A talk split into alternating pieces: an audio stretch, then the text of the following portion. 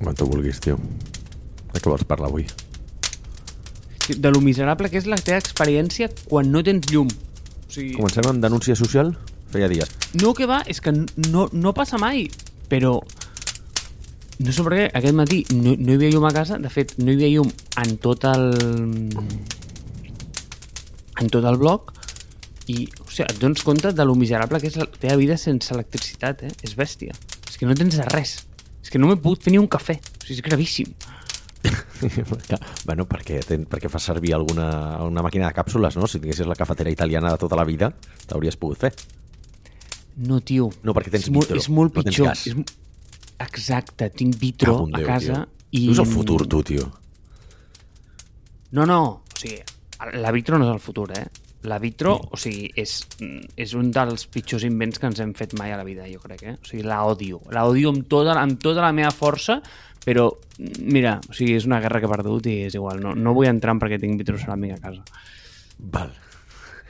El comentari més intel·ligent que he sentit sobre el tema eh, ve de la mà d'una noia que es diu Manuela Navarro, que és dissenyadora, i va començar a treballar amb mi a, a GameStree. De fet, està treballant amb mi ara a RSS. I estàvem en una discussió, eh, me'n recordo, era enmig de la pandèmia, les 9 de la nit teníem un problema a la plataforma en el seu dia i, i no sé per què vam entrar com a la discussió de si era millor la vitro i el, o el gas i cadascú tenia com les seves opinions sobre el tema. I li diem, va, Manuela, tu què dius? La vitro o el gas? I diu, jo? Diu, el microondes. I em vaig quedar, vale? Per cafè. Per Per tot. cafè al microones. No, però per tot, per tot en general en la vida. O sigui, vull dir que tu, tu què ets? De vitro de gas? De vitro de gas? I diu, jo? Eh, jo de microondes. I vaig pensar, Pues perfecte. fa les llenties al microones, també les cuina al microones, o què? És que... Fa Mare tot al microones. Mare meva. En fi, no veníem a parlar de la llum, no, avui? No, tio, avui és especial, això, eh? Avui és molt especial, perquè això ve... Avui farem coses diferents. Va, Explica-ho, va. Explica-ho tu. Vinga, va, anem a no- explicar-ho, Tampoc ho acabo d'entendre. volem provar alguna nou. Som tios curiosos i volem provar coses noves. Llavors, com que volem posar a provar coses noves, volem provar a veure què tal és això de monetitzar els podcasts. Perquè tu has fet mai això o no? Jo no ho he fet mai. No, la veritat és que no, tio. Vull dir, no, no per, per principis, perquè generalment per monetitzar has de tenir molta audiència i has, o hi arribes de manera orgànica o hi arribes de manera inorgànica. Com que jo sóc de fer coses inorgànic, o sigui, orgànicament, és a dir, sense pagar, sense fer publicitat, sense, sense en- enxufar gent ni comprar audiències, un podcast perquè creixi a un punt monetitzable porta més o menys uns 5 anys de mitjana. Val? Aleshores, tots els podcasts que tinc tenen dos anys, camí de 3. Per tant, encara no he arribat allà. Però nosaltres ens volem anticipar al futur i com que som tios amb poca paciència, volem veure què passa i si hi ha algun sonat que està disposat a donar-nos la, el canvi del pa per escoltar la nostra xapa exclusiva. Llavors, per fer la primera prova, començarem posant alguns episodis exclusius a Apple Podcast. Això no vol dir que tots els episodis ara siguin de, de pagament, tot el contrari. Seguirem fent el mateix contingut cada dilluns, que és gratuït i tothom en té accés, però de tant en tant farem alguna continuació, algun episodi de forma exclusiva i la posarem únicament darrere d'una petita subscripció, que ara explicarem com funciona. I volem aprofitar aquest primer episodi per rescatar un episodi que vam fer fa molt temps que es deia Primer de Podcasting, que va tenir molt d'èxit, i avui ve el segon de podcasting, que és molt important. I possiblement el tercer de podcasting serà el primer que serà en exclusiu. A veure què passa. Com ho Ara veus, que ets això? un expert, perquè ara ets un expert de podcasting, perquè ara no ho has, de fet no ho has explicat, no? Dir que t'has canviat de feina, cabron. Aleshores, ara, ara t'afecta directament. Tu ja eres un expert de podcasting, però ara a sobre t'estan pagant per fer podcasting. No per gravar-te, però sí per treballar en una eina de podcasting. Vull dir, podries començar i donar una miqueta de context. Ja sé que no t'agrada parlar de tu mateix, però, ah, fes-ho. O és de les coses que més odio en el món, eh, parlar de mi mateix, però ho farem. Doncs sí, Àlex, des de, des de ja fa uns... un mes i mig, una cosa així, doncs estic portant el producte de rss.com i no confondre rss.com amb el feed de RSS, que també té tela. O sigui, tenir aquest domini és la hòstia. Però, bàsicament, rss.com és una plataforma de, de podcasting on Foc a Terra està allotjat Mm, Exacte. des del primer dia, sense pagar un euro. Nosaltres som, som molt del producte de casa, però jo sé que l'Àlex, com que no confia en les empreses de l'IBEX i sempre intenta donar negoci als seus amics, això és una mica semblant, doncs un molt amic meu és el fundador d'aquesta companyia. Quin negoci, eh? Li tenim un podcast gratis i no li donem ni un duro. Ja, ja em dius tu quin, quin negoci li estem donant, tio. No, no, el negoci el farem nosaltres perquè a sobre monetitzarem nosaltres, imagina't. Tu saps que l'Alberto ens escolta, no? Vull dir, I entén el català, sí. cago en Déu. estarà content, estarà content, ja ho veuràs. Estem molt content. Però sí, eh, i és un repte per mi perquè ser un insider i portar com un producte que t'estimes molt i, i, el, i el coneixes, eh, a vegades també pot ser contraproduent pel fet de, de que et penses que tothom s'enfronta a les teves realitats, no? És un, és un moment d'empatia molt gran.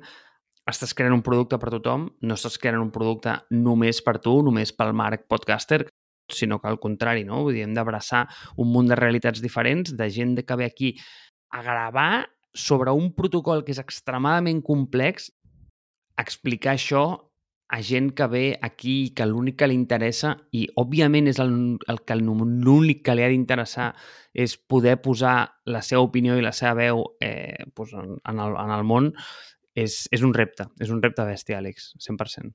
Ho deia perquè, clar, és que plataformes de podcasting n'hi ha moltes. Eh, I una de les coses que a mi no m'agrada, val? i suposo que això ja dona peu a, a l'entradeta de l'episodi, és que la monetització del podcast és un món molt opac i que jo crec que no funcionarà mai. Val? Aleshores, posem una miqueta el context macro. Val? Avui faria una miqueta de com de, de persona que s'ha preparat això, però també t'aviso, eh? No ho he fet, però he tingut converses recents sobre aquest aspecte. Val? Es veu que Spotify doncs, està perdent, em sembla que va perdre 150 milions en l'últim trimestre en la plataforma de podcasting. Val? Es van convertir en, en, en els referents de podcasting i han ficat una persona nova, una ex-CEO de no sé què, um, ha portat tota la divisió de podcasting perquè és la gran aposta de Spotify. Spotify, com ja sabeu, és una, una plataforma de, de, bueno, de streaming de música, bàsicament, i va apostar molt fort comprant Anchor, si no recordo malament, i no sé quins altres productes que estan dedicats al, al món del podcasting. Què passa? Que jo crec que és una aposta que no sortirà endavant a menys que canviïn molt les regles del joc de la monetització dels podcasts. Per què? Perquè el podcast, per definició, no té una bona manera d'aconseguir analítiques. Val? A menys que estiguis només exclusivament en una plataforma. És a dir, Spotify pot tenir les analítiques de la gent que escolta a Spotify. Però si tu fas servir una plataforma agnòstica, una plataforma d'allotjament, per exemple, com rss.com o com Buzzsprout, tu allà tens unes anal- analítiques una miqueta, bueno, de, eh, de, pa, de pa sucat amb oli. Per què? Perquè, clar, eh, tu pots saber quan la gent s'ha descarregat aquell arxiu de la plataforma de, de, de hosting, però realment no saps si, si l'ha escoltat, si ha escoltat més de 5 segons, si, si se l'ha baixat per error i després s'ha donat de baixa... Realment és molt dolent, val? el tema de les analítiques. Per tant, monetitzar això no és com monetitzar les visites a una pàgina web, que tens Google Analytics, tens unes coses més o menys fiables. Seran més o menys fiables, però són 10.000 cops més fiables que les analítiques del podcasting. I el segon punt és que la manera de monetitzar els podcasts, històricament, sempre ha estat fer acords amb patrocinadors pels quals tu els hi fas una, una, una falca publicitària, ara ja sigui a l'entrada, enmig del contingut, al final de l'episodi, etc etc. Què passa? Que no hi ha cap tipus d'incentiu per la gent que negocia aquests acords per fer-ho a través de les plataformes. Val? És a dir, si tu ets Casa en Manller, Marc, i vols patrocinar aquest podcast, tu i jo ho negociarem per fora de la plataforma de podcasting. Val? Eh, per què? Perquè, per què ho hauríem de fer per dins de la plataforma quan la plataforma potser si té uns terms and conditions, doncs diu el contingut patrocinat d'això, doncs el 30% va cap a la, cap a la plataforma per, per concepte, com a concepte de fi, no? com a concepte d'intermediació, com a concepte de bueno, d'un impost, diguem, de plataforma. Per tant, tots els acords es fan per fora. Els únics acords que es fan per dins són els que algunes plataformes t'ofereixen trobar-te els sponsors i te'ls fiquen ells automàticament, que crec que està bé, però com a solució em sembla molt agafada amb pinces. Per, I crec que això no... És, els deals són bastant dolents, perquè realment són quantitats bastant miserables els que eh, el que t'ofereixen, i tu no estàs incentivat a agafar-ho. És a dir, jo el podcast de Mars ja m'ofereixen coses, doncs, no sé, si 100 pavos per episodi, 50, 30, alguns, 200, però dic, per posar això que a mi tampoc em millora la vida i li dono una pitjor experiència a l'usuari i realment tampoc són les marques que jo voldria tenir, doncs no ho tinc. Per tant, molta gent troba aquest rebuig i causa que no creixi el mercat de les sponsoritzacions i els patrocinis del, del podcasting. Per això que el tema monetització, uf, han de canviar molt les regles, eh, Marc? Eh, és que inclús et donaria com un pas enrere, eh, aquí, perquè els, els temes de monetització sempre són molt complexos i més a internet, però en aquest cas ho és especialment, perquè entres enrere i mires com funciona el feed de RSS i, i, i, i al final, vull dir, per la gent que no és familiar, és molt semblant a com funciona en el seu dia Eh, no sé si la, la gent igual recordarà Google Reader, aquell producte tan maco que tu et posaves i et notificava cada vegada que et sortia un, un episodi i d'aquesta manera tu tens com una espècie de feed, eh, en allà hi ha un link cap al teu episodi d'alguna manera, no? Llavors això tu ho, ho hospedes en una plataforma de podcasting com rss.com o qualsevol altra que funcioni, està bé, i què és el que passa? Que d'aquesta manera tu no tens que estar entrant cada dia a la pàgina de Foc a Terra, sinó que tu tens un player i quan nosaltres pengem un episodi, això doncs, s'actualitza eh, perquè ella està escoltant aquest feed i tu tens el nou episodi, no? Clar, això era un sistema obert que funcionava de meravella.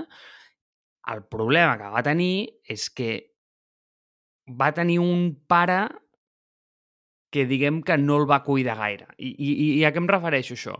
És a dir, això era un sistema obert en el sentit de que bueno, pues, eh, hi, hi havia un directori central que va crear iTunes en el seu dia que va agregar tot això, però iTunes no, no, no feia el hosting d'això, simplement els tenien allà com, com llistats tots, no? I això va, va, va funcionar molt bé eh, perquè ja teníem un repositori central, un directori on estaven allà tots els podcasts i tu podies entrar en aquell directori i els tenies tots en allà.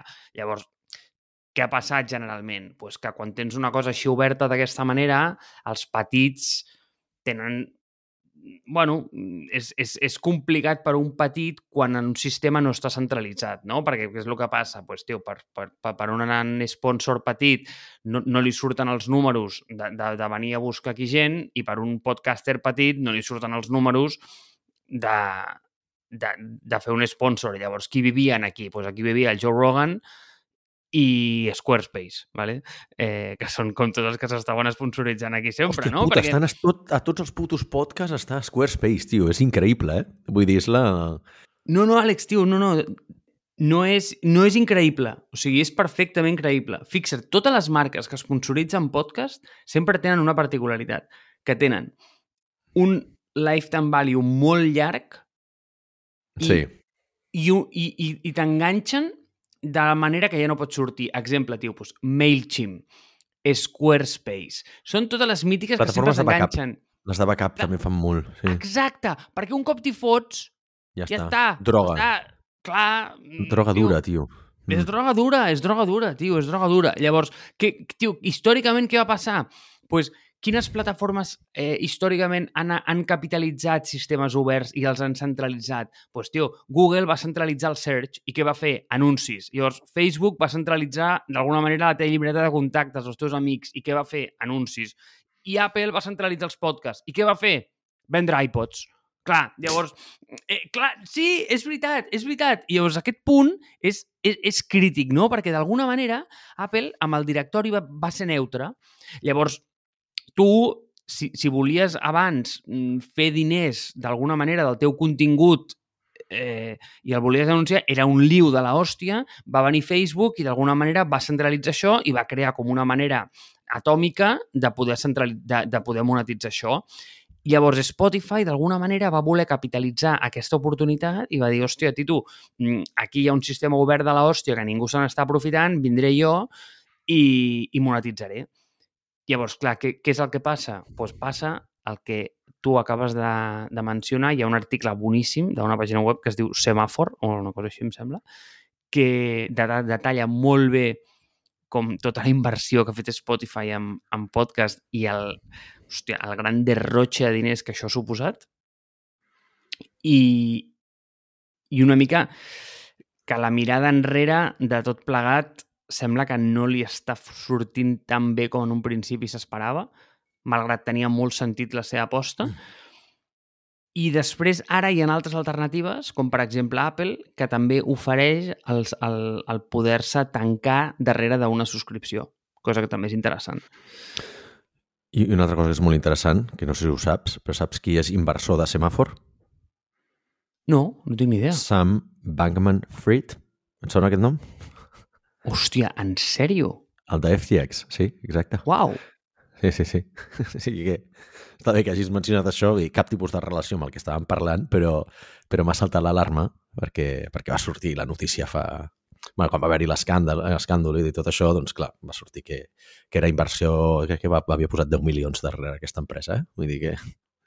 Mira el tipus de contingut i pensa que darrere d'això hi ha una miqueta d'aquest senyor. Què és exactament això? El què? Semàfor? Sí que és un lloc de notícies i opinió, no? Vull dir, no ho sé. No, jo no li he prestat molta atenció, però sí que ella, cada cop estic llegint més articles que surten d'aquí. O sigui, no sé si s'està popularitzant, però, però bueno, vull dir, deuen tenir bons escriptors perquè dos o tres coses que he llegit eren realment bones. Però, evidentment, m'ha vingut, o sigui, m'ha saltat aquí el nervi i l'alarma perquè, perquè fa poc bueno, no és que es va descobrir, quan va haver-hi l'escàndol de FTX, doncs ja es va, es va comentar aquest tema? Doncs per enllaçar aquest tema amb la monetització, el que podríem fer que és interessant i és el que comentàvem al principi, i és de dir, a veure, quines possibilitats de monetització tu tens com a podcaster, no? O, o com a creador de contingut independent, al final, no? I, i, I és el que tu comentaves, o sigui, tu pots tancar un sponsorship amb algú directament, llavors l'Àlex explica lo molt guai que és Casa Matller, eh, això seria com algo, algo com eh, llegit directament pel, per l'autor d'aquest podcast, o seria com inclús com escrit per un, per un blogger, per exemple, no? també. Uh -huh. eh, a, a, a, aquest, com hem dit, és, és molt complicat perquè fer el, el casament d'això generalment necessites molta audiència per arrencar i, a què, i el teu sponsor generalment molts diners per pagar-te, eh, cosa que no funciona gaire bé pels, pels petits en cap dels dos costats. Ningú té els diners per pagar-nos a nosaltres, Marc. No, que no, no s'enganyi la gent que ens escolta. Val. Òbvia, òbviament. Ara, sí, poden pagar per la subscripció, però no ens poden pagar per, per uns anuncis. No poden comprar òbviament. les nostres ànimes. Endavant. No, òbviament que no. Alguna empresa de l'IBEX ens comprarà. Ja, pues... vinga. I... I ho repartiré als pobres, el Robin Hood del podcasting. És un bon pitch, eh?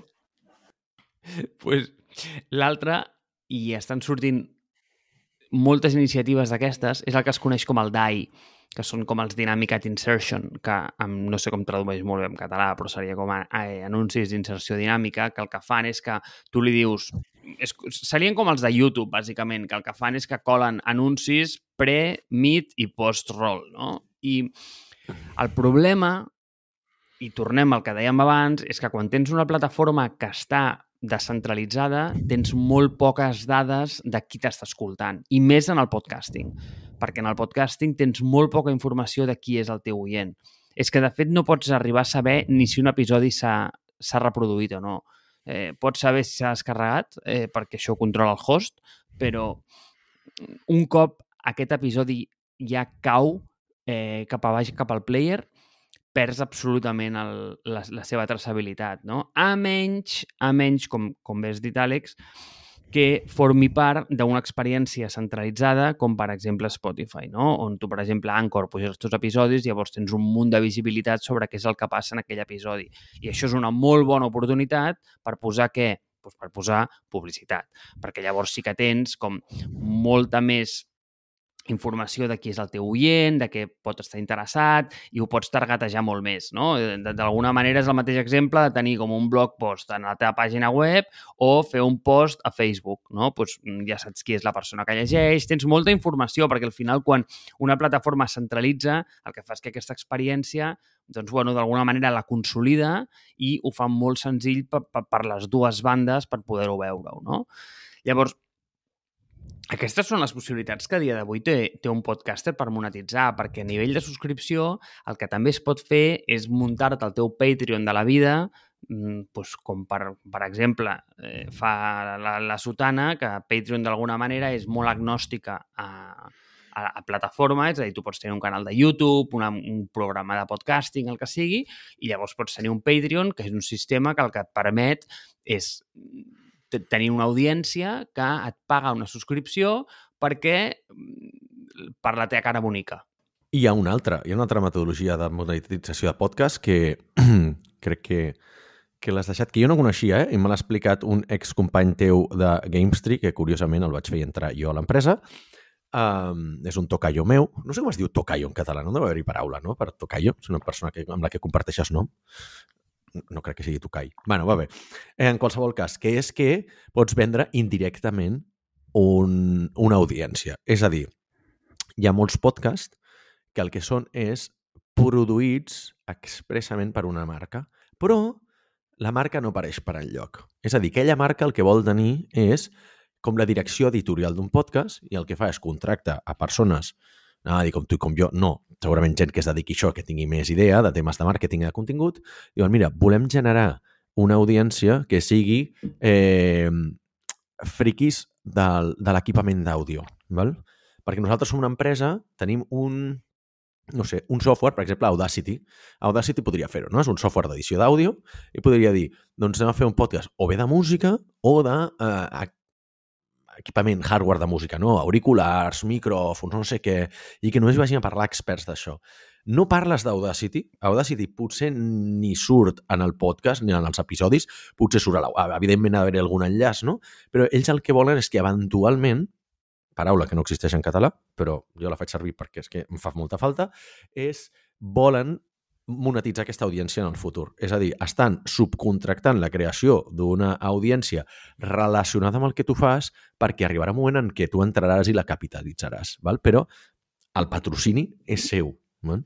I potser, et dic, des del principi no se sap, però arriba un moment en què eh, fa la gran aparició la marca i diguem que, que ho recupera. No? I, I això es dona molt en podcast, per exemple, en podcast d'història, podcast aquests de, de, de, de, de, de coses quotidianes de la vida, es veu que n'hi ha, ha bastants d'aquests i molts són patrocinats.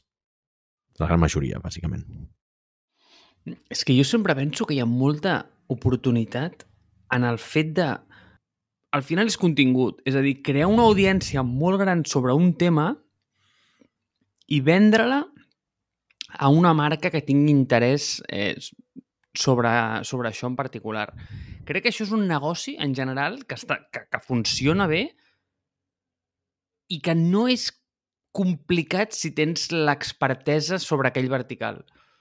Eh, però és que això ho pots fer amb tants verticals, pots pelar tantes coses aquí, que jo penso que hi ha oportunitat. Foc a terra, per exemple, és un lloc extremadament generalista. Nosaltres mai serem això, per exemple. Eh?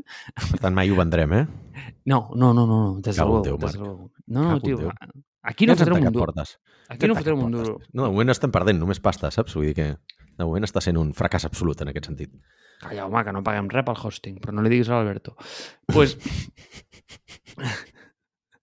pues, no, no, és, és que és interessant perquè penso que verticalitzar-te d'aquesta manera després pots tancar audiències i, i a mi em sembla interessant aquest, eh, aquest model. Desconeixia que això estava professionalitzat però em sembla super interessant. Home, perquè és que al final, bueno, el tema d'audiències, vendre audiències s'ha fet tota la vida. La gent que ha creat grups de Facebook molt gran o comunitats o newsletters. Mira, hi havia el cas aquest de... Ara, se, se m'acuden 50 casos, eh? De gent que comença amb una newsletter, la newsletter acaba convertint en un producte perquè veu que hi ha un interès i el producte genera una comunitat i s'acaba venent, no? El cas de MakerPad, quan es va popularitzar tot el tema de les, de les aplicacions de no-code, no? Doncs el Ben Tossell, que era un tio que havia estat a Product Hunt, havia vist que havia molt d'interès cada cop més històries de no-code, va crear una, una newsletter sobre el tema de, sobre temes de no-code, acaba generant un producte que es diu MakerPad, que en final em sembla que era com contingut i formacions sobre temes de no-code, i l'acaba venent a Zapier, saps? Vull dir, per què? Pues perquè tenia no sé quantes desenes de milers de subscriptors.